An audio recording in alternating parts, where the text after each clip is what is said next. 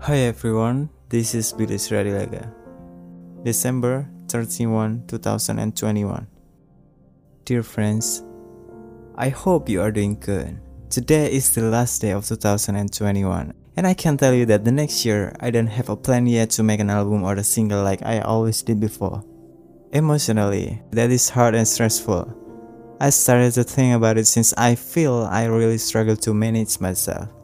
I need to listen to my body, and maybe it's also the right time to give myself a rest. So I can say that Seasons will become my last album. Not to say that there not be another thing one day. I just want to step away from this job temporarily. I've been working so hard since early 2018 until this year for non-stop.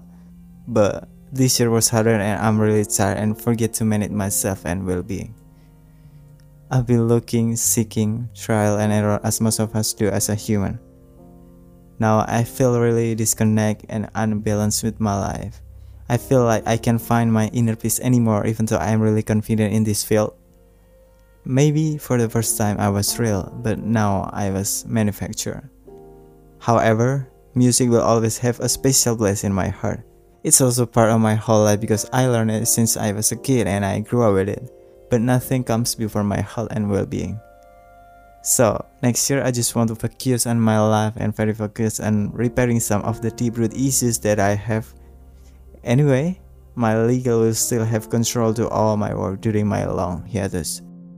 So, thank you to everybody and friends for having my back and being an important part of my journey during these times.